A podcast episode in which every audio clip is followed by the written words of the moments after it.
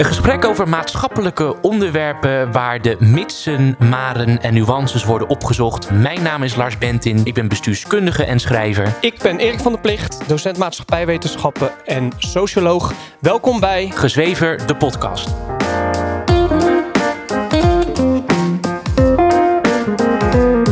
Precies, dat maakt het verdacht. Oké, dit is dus de, de context Ja, klopt. die wij hebben. Wij, wij kennen die context van de invloed van sociale media op de dus mentale gezondheid van jongeren. Ja.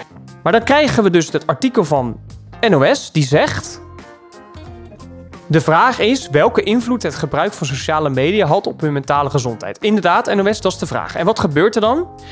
Eerder deze week concludeerde gedragsonderzoeker Nas Natasia Griffioen van de Nijmeegse Radboud Universiteit in haar promotieonderzoek dat de effecten van sociale media niet zo schadelijk zijn als veel mensen denken. Dus er is altijd onderzoek. Jaren van onderzoek en artikelen. Dat, en, en wat doet NOS? Die haalt één onderzoek aan van iemand die daar tegen ingaat. En dat wordt gepresenteerd als sociale media heeft geen invloed op de Ja, mentale ja, gezondheid ja. van jongeren.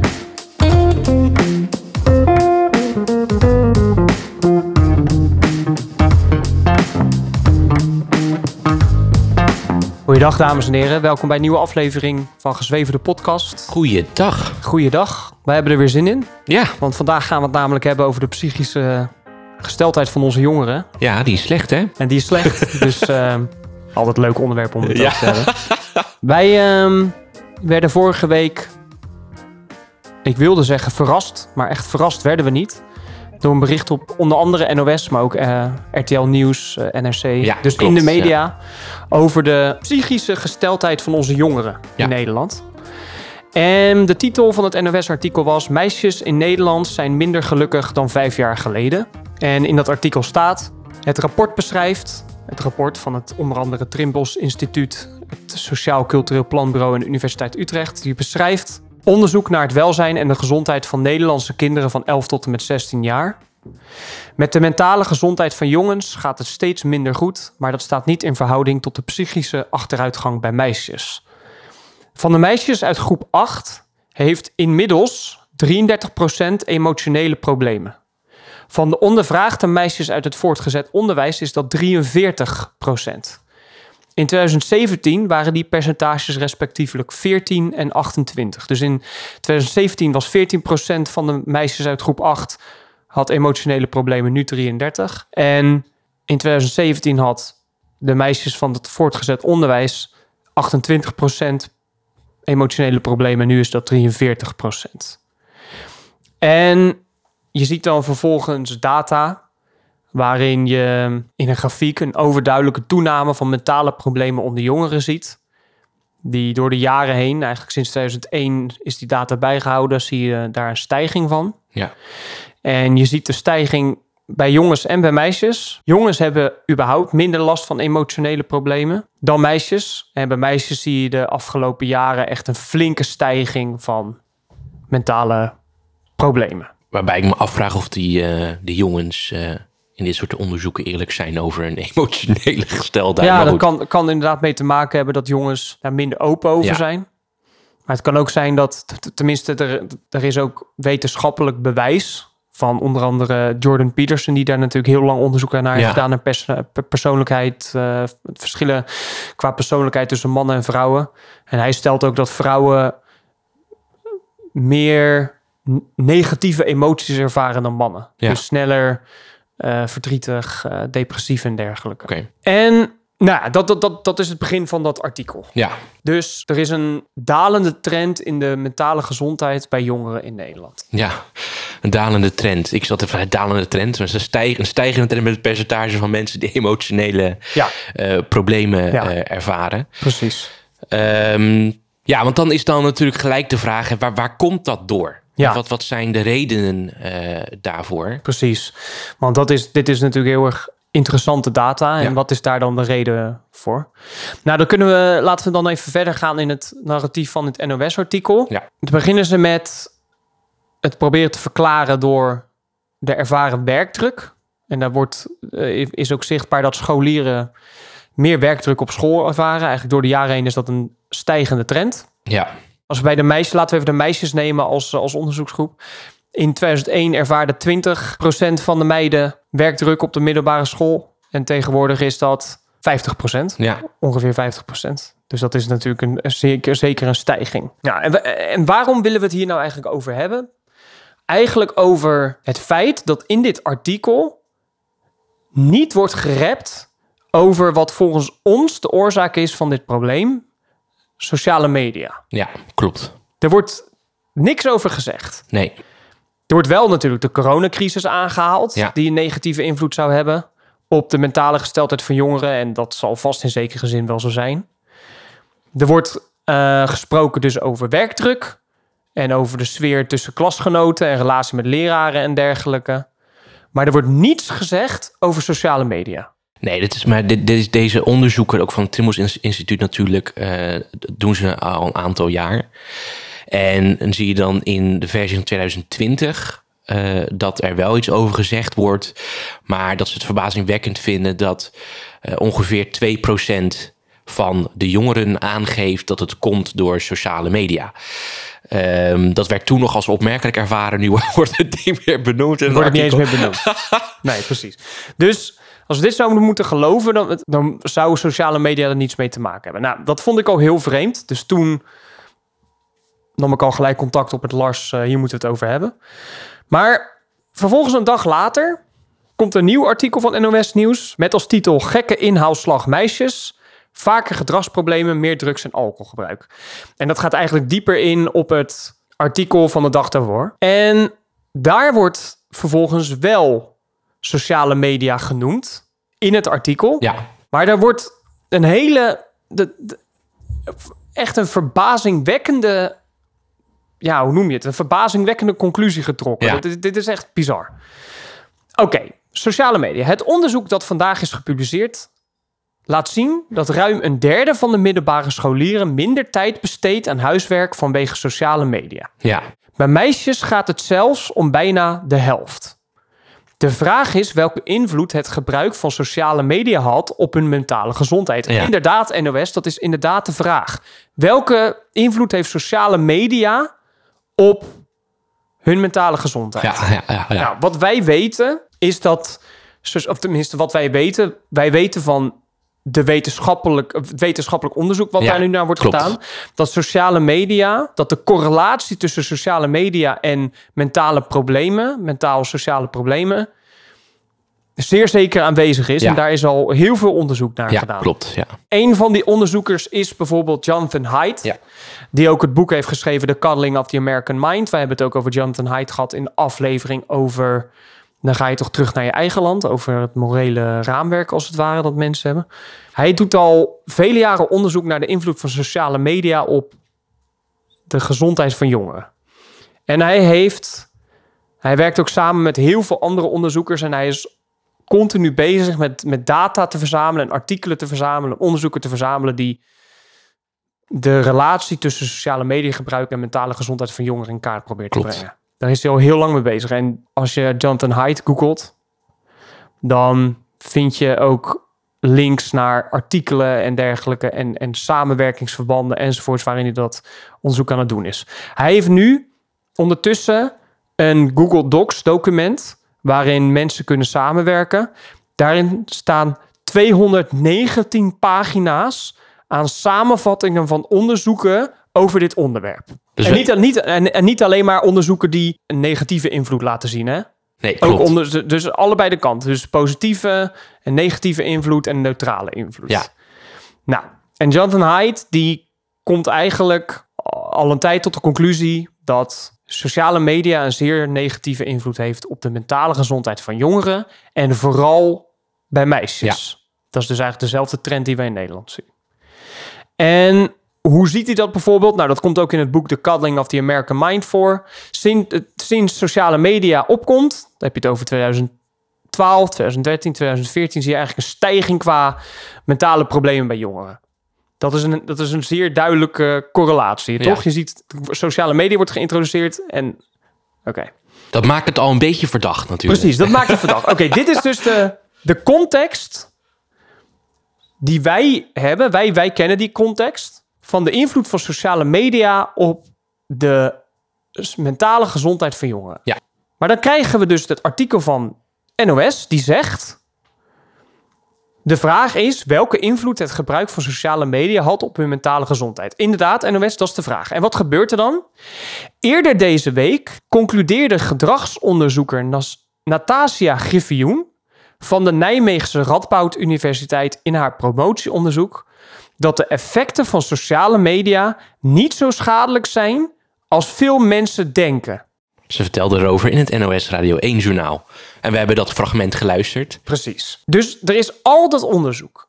Jaren van onderzoek en artikelen. En wat doet NOS? Die haalt één onderzoek aan van iemand die daar tegen ingaat. En dat wordt gepresenteerd als sociale media heeft geen invloed op de Ja, mentale ja, gezondheid ja. van jongeren. Ja, ja. Oké, nou, wat, wat wordt er in dat artikel van... Of tenminste, wat heeft dat promotieonderzoek van Natasja Griffioen laten zien? Ehm, wat het onderzoek eh, laat zien, eh, dat eh, ze vertelt dan in het radiofragment, dus dat linkje zal er natuurlijk ook aan, aan toevoegen, vertelt ze hoe ze dat onderzoek heeft, heeft uitgevoerd en wat heeft zij gedaan. Ze heeft jongeren tien minuten lang laten wachten, want die komen dus naar zo'n plek toe om aan het onderzoek mee te doen. Tien minuten laten wachten, worden ze heimelijk gefilmd. En dan kijken ze wat ze doen. Nou ja, wat de verwachting is, die jongeren die gaan gelijk, eh, pakken gelijk een, een mobieltje erbij, gaan op sociale media. En eh, wat ze dan na die tien minuten doen, is eigenlijk een heel intensief gesprek voeren, diepgaand interview afnemen over wat zij gedaan hebben op hun mobiel, wat voor sociale media gebruikt hebben, wat ze daarbij, eh, wat ze daarbij voelden, Ja. wat zij vinden van hun sociale media gebruik. Zij, zij wilden een zo compleet mogelijk beeld, naar eigen zeggen, compleet mogelijk beeld creëren ehm, van de ervaring van de jongeren met betrekking tot sociale media gebruik. Precies, dus inderdaad, precies wat jij zegt. Ook Ja. eh, hier uit het artikel van de Radboud Universiteit. Griffioen ging op zoek naar manieren om de effecten van sociaal, social media gebruik beter in kaart te brengen. Dat deden we bijvoorbeeld door jongeren 10 minuten alleen te laten en in het geheim te monitoren om te zien wat ze op hun smartphone deden. Vervolgens gingen we in gesprek met ze om te reflecteren op wat ze in die periode deden en op hun ervaringen met het gebruik van sociale media bredere zin. Deze onderzoeksmethode kost meer tijd, maar het geeft wel een beter beeld dan onderzoek dat vooral gebruik maakt van vragenlijsten. Ja, en wat ook inter- interessant is, wat ze dan in dat fragment zegt, is. En dat verbaasde me eh, nog het meest, naast de conclusie. Was dat zij al die andere onderzoeken Ja, precies. gewoon terzijde schoof. Ja, precies. Dat is, Ja, wat- die, dat- die onderzoeken zijn gebaseerd op eh, bepaalde eh, methodes, zoals het opstellen van, van, van vragenlijsten, die jongeren dan moeten invullen of waar ze antwoord op moeten geven. En als onderzoeker weet je niet eh, hoe zij dat interpreteren, hoe de respondenten dat interpreteren. hoe de respondenten dat, Ja. inter- eh, dat interpreteren en waar ze eigenlijk antwoord op geven. Want Ja. zij interpreteren de vraag op een bepaalde manier en wat voor Ja. vraag. Juist, ehm, ja, precies. Dus, ik- en dat is terecht, hè? Ik bedoel, dat, dat weet iedereen die eh, op een gegeven moment les krijgt in onderzoeksmethodiek, onderzoeksmethodes. Dat vragenlijsten, zoals ze zelf ook zeggen, is een eenrichtingsverkeer. Ja, Jij hebt een aantal vragen opgesteld en dan moet je maar hopen dat die vragen goed geïnterpreteerd Ja, worden precies, en, ja. zo- en eerlijk worden beantwoord. eerlijk worden beantwoord. Dus, dus even, even, even, inderdaad even context. ja, Wij vertellen net over dat onderzoek en de verzameling van de aggregatie van onderzoeken, die, waar onder andere Jonathan Haidt met een groep wetenschappers mee bezig is. Jarenlang onderzoek, Ja. honderden artikelen die worden ge- ge- gerecenseerd en ja. dergelijke. En heel belangrijk, Jonathan Haidt is een zeer gerespecteerde onderzoeker. Precies. En dat team ook, dus het zijn, het zijn niet de minste waar Het het zijn niet de minste onderzoekers. Wordt trouwens ook aangehaald, wordt trouwens ook geïnterviewd in de documentaire The Social Dilemma van Netflix. Daar komt ook Jonathan Haidt aan het woord. Dus ehm, die, die achtergrond. En wat doet vervolgens inderdaad Natasja Griffioen? Zij is een PhD-student, dus zij is bezig met promoveren. Wat zegt zij? Maar nu blijkt dus dat we de grote meerderheid van deze onderzoeken het raam uit moeten gooien, omdat de onderzoeksmethodes onbetrouwbaar of ongeschikt blijken te zijn. Jongeren wordt vaak gevraagd om in een vragenli- vragenlijst aan te geven wat ze doen op sociale media, hoe vaak ze er naar kijken en hoe lang. Maar jongeren weten aan het einde van de dag, laat staan wij- week, echt niet meer goed wat ze allemaal op sociale media gedaan en gezien hebben. Daarnaast zijn vragenlijsten een eenrichtingsstraat. Je hebt als onderzoeker geen idee hoe de vraag geïnterpreteerd wordt. En je hebt geen kans om een gesprek aan te gaan met de jongeren om hun antwoorden verder uit te typen. Dat is precies wat jij net zei. Ja. Wat klopt. En Ja. dat is ook precies wat wij net zeiden. Ja, Maar wat ze dan dus zegt is: oké, dus kunnen we het overgrote deel van al die andere onderzoeken uit het raam gooien. En nu ga ik een onderzoek doen. En dat onderzoek geeft wel valide Ja, data. Wat, waar je natuurlijk als onderzoeker heel veel baat bij hebt. Hè, om andere onderzoeken ehm, negatief weg te zetten. ja, Om dan vervolgens je eigen onderzoek als de, de valide data te ja presenteren. klopt. Nou, en welke conclusie werd er dan vervolgens getrokken? Dat er over het algemeen geen verband tussen het verbruik van sociale media en hoe de jongeren zich voelden op de korte termijn te vinden was. Op Ja, de korte op termijn. de korte hè? termijn, ja. Maar eh, dat, dat is ook... Kijk, als ik, dit, als ik dit hoor, als ik haar hoor, als ik dit lees... dan denk ik...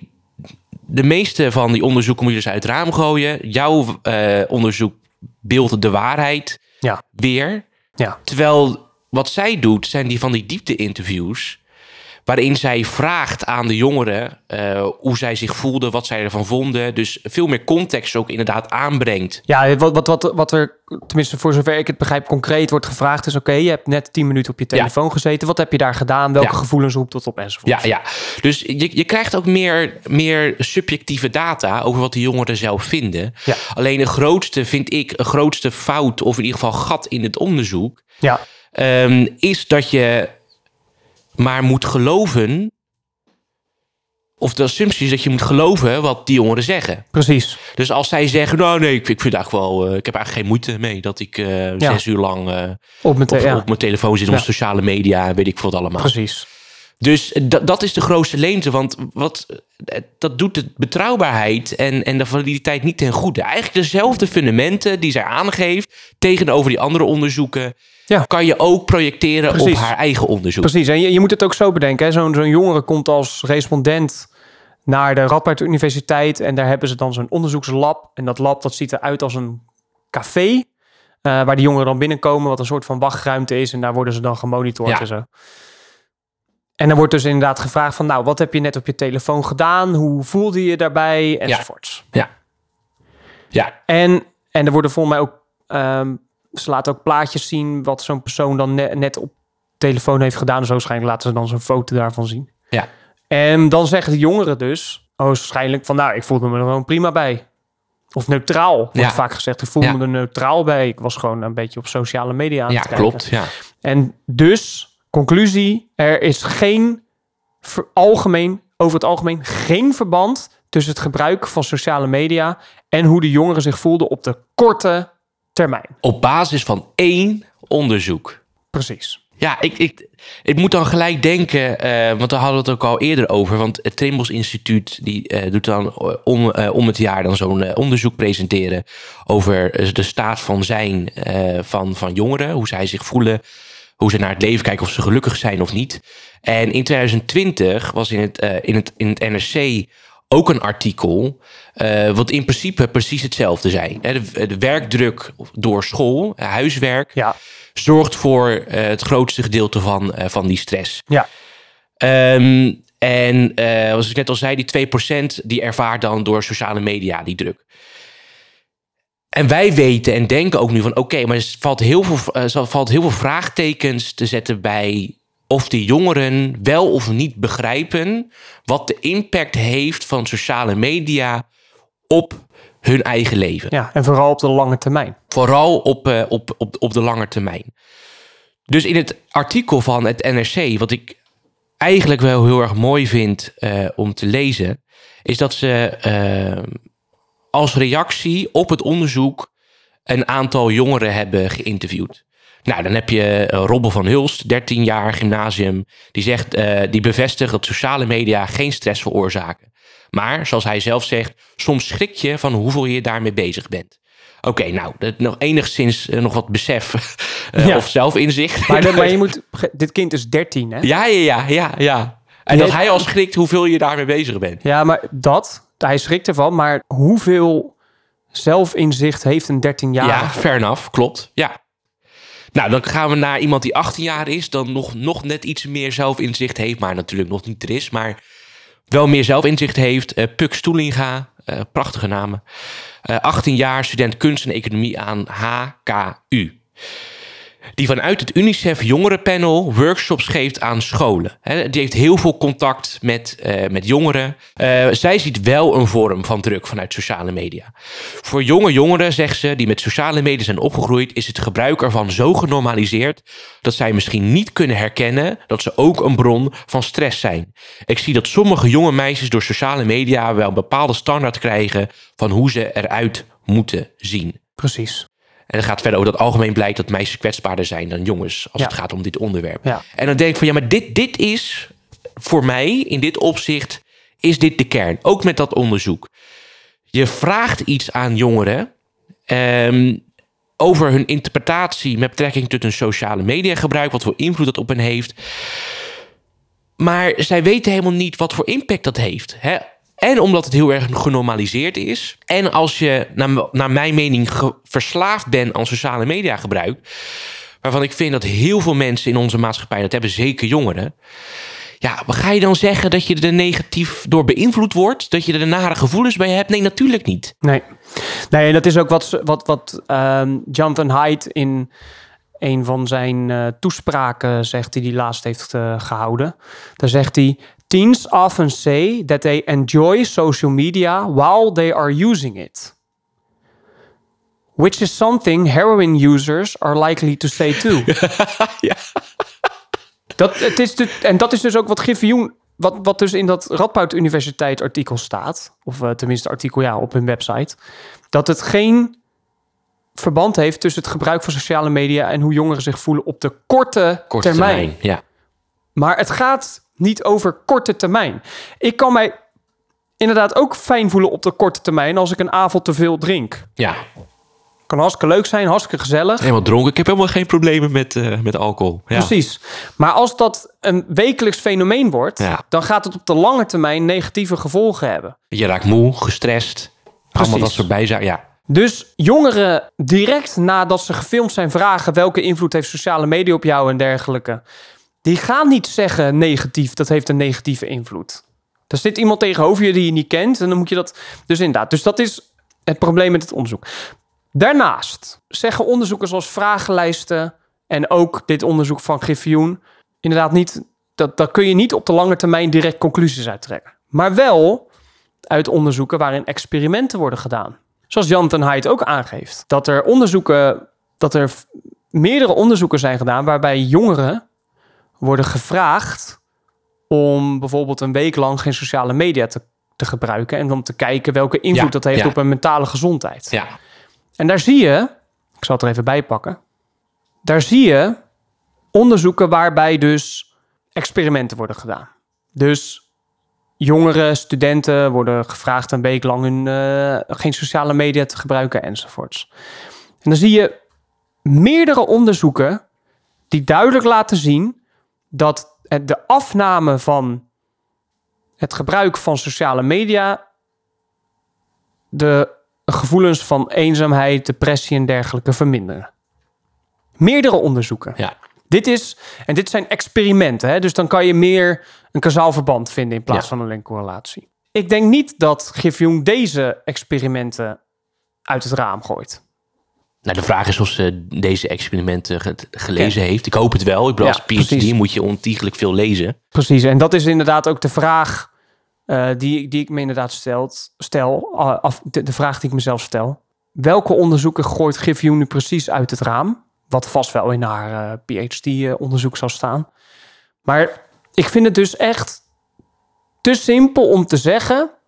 de onderzoeken die tot nu toe gedaan zijn, zijn niet valide. Die gooien we het raam uit, dan doe ik een onderzoek... dat geeft een andere resultaat en dat is dan wel valide. Ja, ja, ja. En als we nog een keertje een stap terug doen, dan is de vraag, is wat mij betreft ook de vraag, moeten we überhaupt kijken naar wat jongeren inderdaad zelf rapporteren? Of moeten we gaan kijken naar cijfers en correlaties gaan proberen te vinden? Ja. Die dus duidelijk zichtbaar zijn, die Ja. Haidt heeft gevonden. Sinds de opkomst van sociale media is, de, is, de, is de, de mentale gezondheid van jongeren drastisch verslechtert. Ja. De situatie is wat die is. We, we introduceren sociale media en opeens stijgt de, de, de stijgt de, of tenminste daalt de mentale gezondheid of wordt de mentale gezondheid van jongeren slecht. Ja, klopt, ja. En dat is niet een, dat is niet een, een toevalligheid of zo.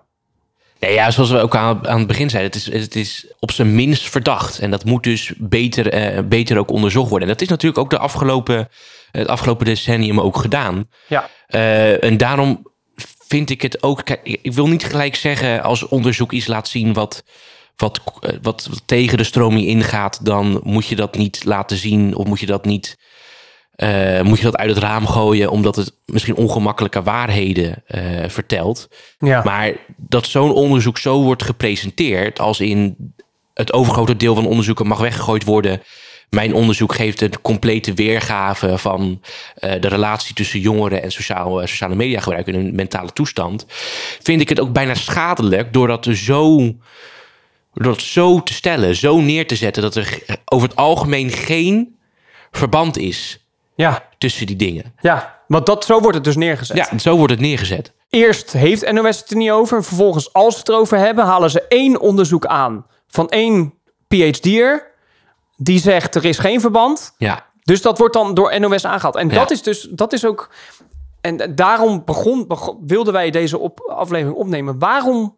Waarom? ja, Waarom haalt NOS alleen dat onderzoek aan en niet alle andere onderzoeken die zijn gedaan? Waarom? Ik vraag me dat echt af. En wat ik denk, of misschien, misschien heb jij daar een, een, een ja, idee over? Ik heb wel een idee over, alleen het, het ja, weet je, het, het, je, je kan het niet testen. Maar mijn idee is, is dat het effect van sociale media eh, op mensen, op hun mentale gesteldheid, dat die ongemakkelijke waarheid zoveel tot gevolg kan hebben op het leven van mensen, om, om, qua zelfreflectie, zelfkritiek, hoe wij als samenleving tegenover smartphonegebruik moeten staan, sociale media gebruik, eh, dat mensen het er liever gewoon niet over willen hebben ja, of eh, het willen nuanceren. ja, En ik, ik ben overtuigd van de kracht van mensen om zichzelf voor de gek te houden. ja, zeker. Ehm, en dat, en dat, dat merk ik de afgelopen jaren überhaupt. Eh, zeker sinds wij het erover gehad hebben in onze podcast. Wat ik iedereen aanraad om te luisteren trouwens. Eh, die, eh, die drie luik. Dat drie luik over smartphoneverslaving. Ja. Ja. Ehm, dat elke keer als het gaat over het gebruik van sociale media. Ja, ik weet niet. Het, het veroorzaakt gewoon niet zo'n grote ophef. Terwijl het gaat over geen maatschappelijke ophef. Terwijl het gaat over de mentale gezondheid van ons allemaal. ja. En zeker voor de jongeren die daar nog meer, en nog meer dan, dan wij dan, eh, de- de- in verstrikt raken. ja. Ja, ik, ik, ik, vind dat, ik vind dat echt heel erg. Ik vind het echt heel erg dat wij niet in staat zijn om als maatschappij eh, deze ongemakkelijke waarheid te pakken, recht in de ogen aan te kijken en daar iets aan te doen. Ja.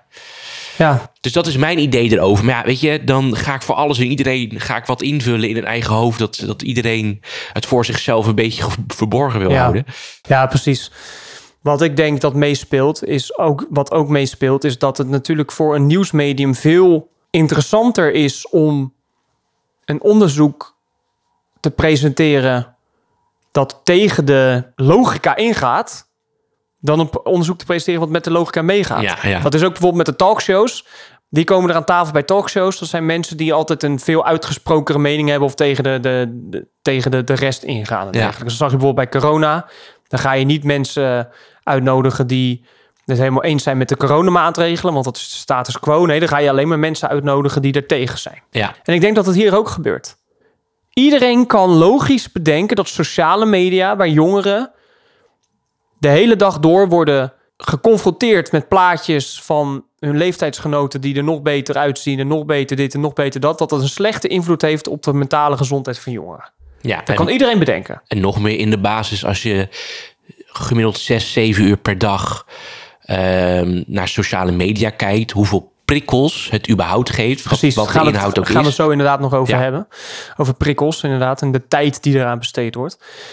Iedereen kan dat bedenken. En als we daar dan ook nog eens een keertje dat, dat aggregatie van onderzoeken van eh, Jonathan Haidt en, en zijn groep wetenschappers erbij haalt, die correlaties laten zien en zelfs ook ehm causale verbanden tussen sociale media gebruik. Dat is, dus iedereen kan dat bedenken. Ja, Dus dan is het natuurlijk veel interessanter voor NOS om één onderzoek te pakken dat daar lijnrecht tegen ingaat. ja, ja, klopt. Terwijl ook dat onderzoek wa- waarin dus die, die, die, dat experimentele onderzoek... waarin dan smartphones worden ingeleverd... en dat er een significante verbetering is van het welzijn. Precies. Ik vind dat een stuk, ik moet eerlijk zeggen, een stuk interessanter dan... Ja. eh, Precies, maar dat, dat gebeurt dus niet. En nee, Dus ik vind dat echt heel erg interessant. En dan gaan we nu inderdaad, want daar prikkels, prikkels en daar sluit dit op aan. Want wat wordt in dat artikel eh, met als titel gekke inhaalslag meisjes, vaker gedragsproblemen, meer drugs en alcoholgebruik als voornaamste, wat wordt wel als voornaamste reden aangehaald van dit, van dit fenomeen, de, de, de trend dat jongeren steeds meer mentale problemen hebben, prestatiedruk. ja, prestatiedruk. En vooral Dat op, is- scholen. op scholen. Ja. Dat is de reden, als we dit narratief moeten gev- geloven, van de slechtere mentale gezondheid van Ja. scholieren. En dan lezen we, die prestatiedruk komt overal terug. Scholen worden afgerekend op bijvoorbeeld hun slagingspercentage. Dat werkt door op ouders die het beste willen voor hun kind. Dus als je die prestatiedruk wil aanpakken, moet je als maatschappij een breed debat voeren. Wat vinden we belangrijk? Cognitief excelleren of goed in ons vel zitten? Die tegenstelling ook. Ja, alsof dat inderdaad een, een tegenstelling is. Dat is een goed punt. Ja. Oké, dus er wordt dus inderdaad de mentale druk wordt dan aangehaald als... Of niet, sorry, mentale druk, prestatiedruk, wat ook mentale druk is, wordt aangehaald als oorzaak van de problemen. Ja. Hoe ontstaat prestatiedruk? Eh, Dat is een goede vraag. Hoe ontstaat prestatiedruk? Ik denk dat als ik, eh, eh, nou goed, ik, ik geef lessen. Als ik mijn eigen ervaringen erbij haal, dan merk ik in gesprek met leerlingen dat ze niet zozeer willen presteren voor hun ouders. Dat is tenminste niet mijn ervaring. Dat zie ik bijna niet. Eigenlijk bijna hoor ik dat nooit. Maar dat ze eigenlijk willen presteren voor zichzelf. Dus ze willen, ze willen niet falen. Ze, als ze een onvoldoende halen, dan, dan, dan wordt dat gezien als falen. Ja. Dus gaan ze. Dus, dus maken ze zich heel erg druk over de resultaten die ze halen voor school. En ook dat ze ook bang zijn dat ze het centraal examen niet halen en dergelijke. Ja. Ook al is daar objectief gezien geen goede reden voor, omdat ze altijd goede cijfers halen. Dat is een probleem wat denk ik vooral wordt gecreëerd door de jongeren zelf. Ja. Ik, wat, wat, ik, wat ik zie is niet, of tenminste wat ik ervaar is of observeer, is niet dat ouders leerlingen zitten te pushen om hoge cijfers te halen. Dat is tenminste niet wat ik ervaar. Ik geef op een bepaalde schoolles natuurlijk in een ehm, in de terechtsteden. Dus dat zijn er is wat meer plattelandcultuur, dus allemaal wat relaxter en dergelijke. Het is niet eh, bijvoorbeeld Hillegersberg of eh, Kralingen. Dus ik kan me voorstellen dat dat daar wellicht anders is. Of, of een gymnasium. Ja, ja. Maar dat is niet wat ik zie. Wat ik zie is dat jongeren vooral zichzelf die druk opleggen. Ja. En vooral niet de enige willen zijn die falen. Nee. Als de hele klas faalt, is het dan gelijk minder erg dan als jij de enige Ja. bent. Hoe voorkom je falen als je je goed voorbereidt op de lessen en op de toetsen en dergelijke? Maar wat gebeurt er? Ze zitten zo ongelooflijk veel op hun telefoon en op sociale media dat ze minder tijd hebben zich goed voor en goed en gefocust voor te bereiden op school. Ja. Klopt. Wat is ook net, eh, dat, dat, dat lazen we net toch ook, dat de helft, de helft van de meisjes geeft aan, dat staat in het eh onderzoek Ja, ja, die besteedt minder tijd aan huiswerk door sociale media. door sociale media. De helft, van de, leerlingen, de helft van de leerlingen geeft zelf aan dat ze minder tijd aan huiswerk besteden vanwege sociale media. En dat, dat geven ze zelf aan. Dus wat is het daadwerkelijk? Hoogstwaarschijnlijk 90, 80, 90 procent. Maar dat is toch bizar dat, dat in hetzelfde narratief dat wordt, dat, dat wordt gezegd. Dat wordt aangegeven. Ja. En, en dat vind ik zo naar aan dit artikel. Er komen, tenminste aan dit onderwerp, met dit soort artikelen. Ja. Het spreekt zich elke keer tegen in, aan, aan Ja. alle kanten. Precies. Maar goed, sorry, excuses. Nee, nee, precies. Dus er is prestatiedruk. En jongeren, en dat komt omdat ze druk ervaren van school. Dat ze s- ervaren dat ze te veel huiswerk hebben en dergelijke. Maar vervolgens lijkt er in dit artikel dan niemand te zijn die denkt van... oh, wellicht komt dat omdat ze zes, zeven, acht uur per dag op hun Ja. telefoon zitten. Ja. Het, het, is, het is natuurlijk niet, als vind ik, als je logisch nadenkt, eh, school aan zich wat zorgt voor die prestaties. Ik denk ook niet die ouders. Ik denk dat je het wat, wat fundamenteler kan stellen. Ja. Wat is de enige grote verantwoordelijkheid van jongeren in hun, in hun puberteit? Is school. Ja. Daar Zes- goed presteren, goede cijfers precies, overgaan. Ja, ja, dat is hun enige grote verantwoordelijkheid. Precies. Ehm, en zoals je inderdaad zelf zegt, als je zeven uur lang per dag op sociale media zit, op je smartphone, et cetera. Ja, dan creëer je minder tijd of hou je minder tijd over voor Ja. de enige verantwoordelijkheid die je eigenlijk dan nog hebt. En wat, wat vind je er vervelend en wat zorgt voor die stress? Hoe waar projecteer je dat op? Op die enige verantwoordelijkheid. Kijk, het wordt nu een beetje ge- gepresenteerd, vind ik, alsof school aan zich en het onderwijs aan zich, dat dat het probleem is. Ja, en de die- ouders, hè? En die, en die ouders. ja.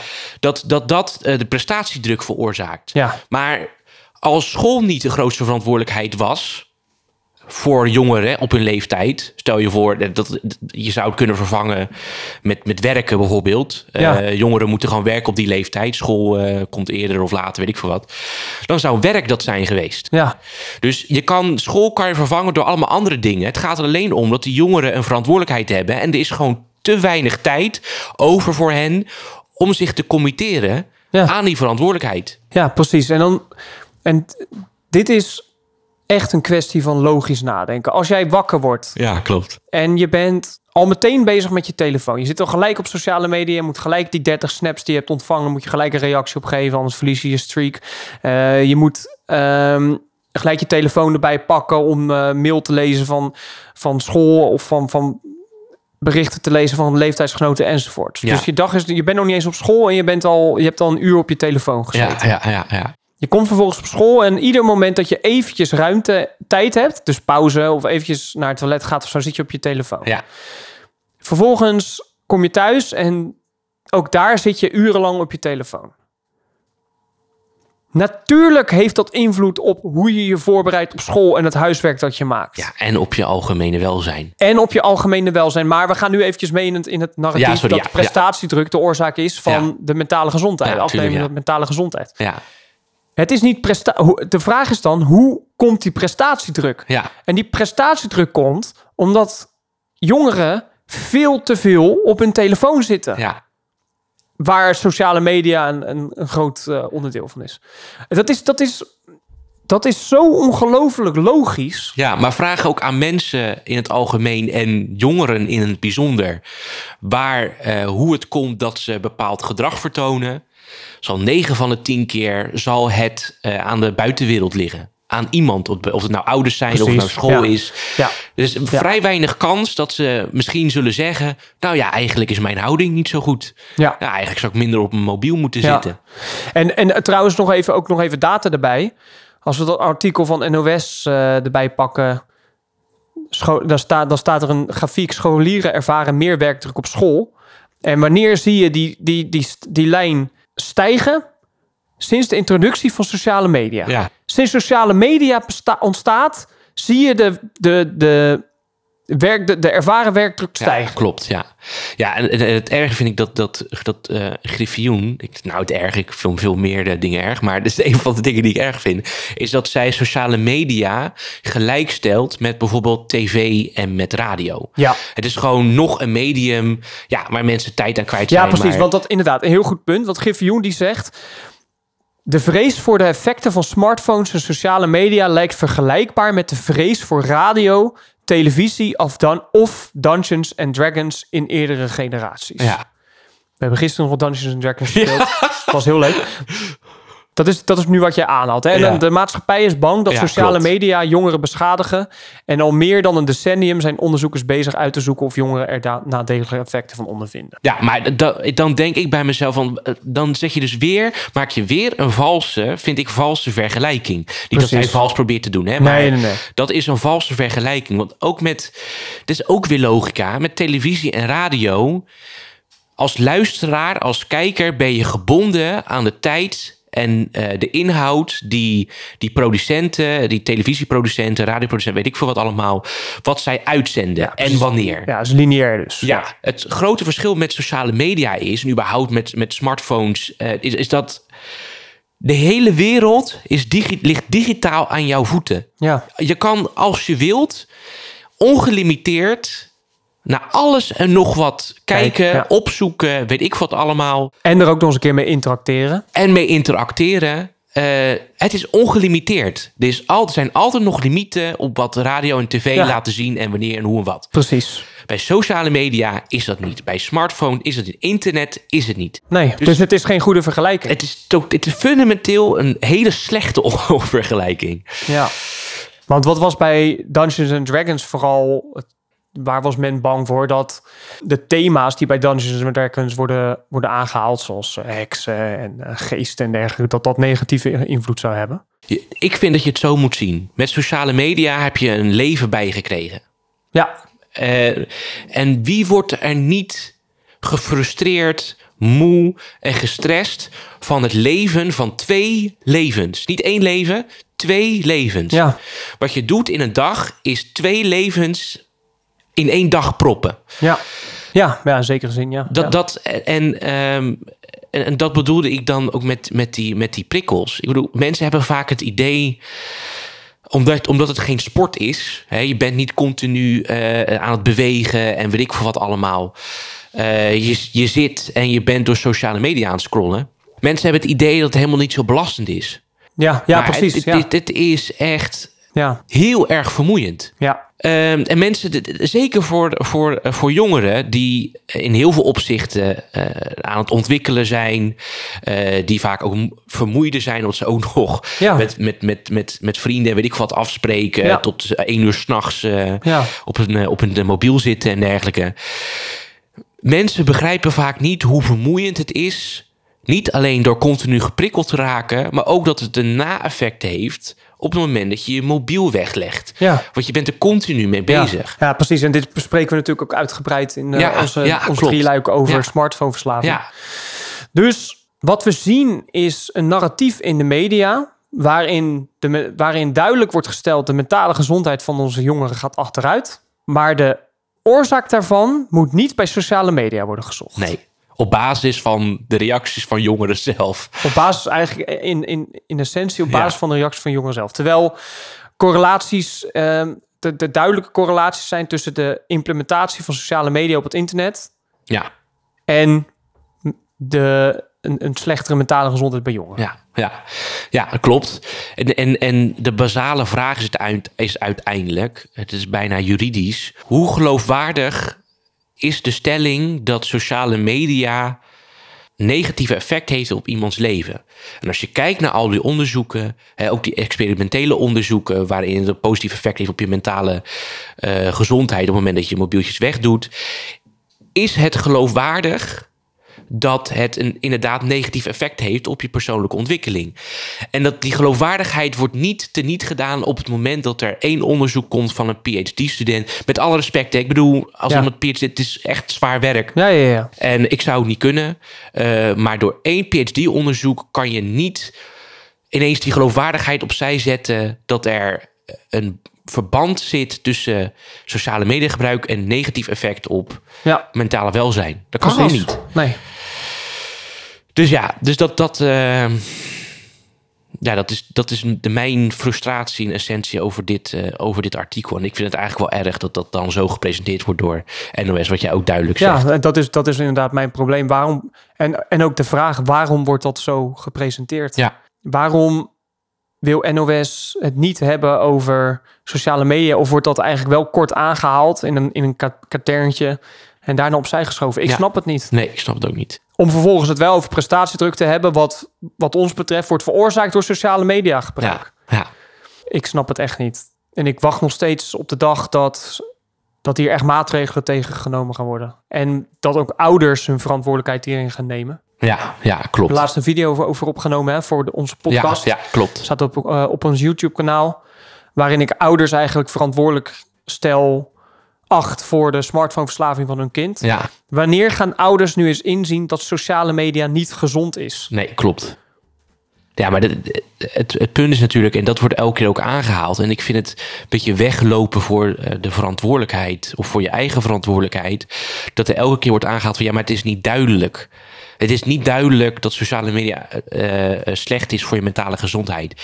En er wordt dus bijna een soort, ik, niet bewust natuurlijk, maar er wordt elke keer een soort mist opgeworpen waar, waarin Ja, we allemaal een beetje ronddwalen. Wel allemaal de verkeerde richting op, vind ik, maar goed ja precies. beetje rondwalen en elke keer zeggen... ja, maar het is helemaal niet duidelijk of het Nee. wel of niet goed is. Dus ik Nee. blijf gewoon doorgaan met mijn slecht gedrag. Ja, Ja, precies. dus ik... ehm, ja, we, het- we zullen het zien. Ik denk dat er eh, uiteindelijk wel wat, wat meer eenduidig antwoord op komt... op die vraag of het slechte, slechte invloed heeft. Ik denk dat dat echt wel... eh, denk ik te laat ook. Ehm, maar dat de maatschappij gaat inzien... ehm, wat voor gevolgen dit gaat, eh, gaat hebben. En effecten. Laten we het hopen. Ja, Dankjewel voor je tijd. yes, insgelijks. Het was weer leuk. En tot volgende week. Tot de volgende keer.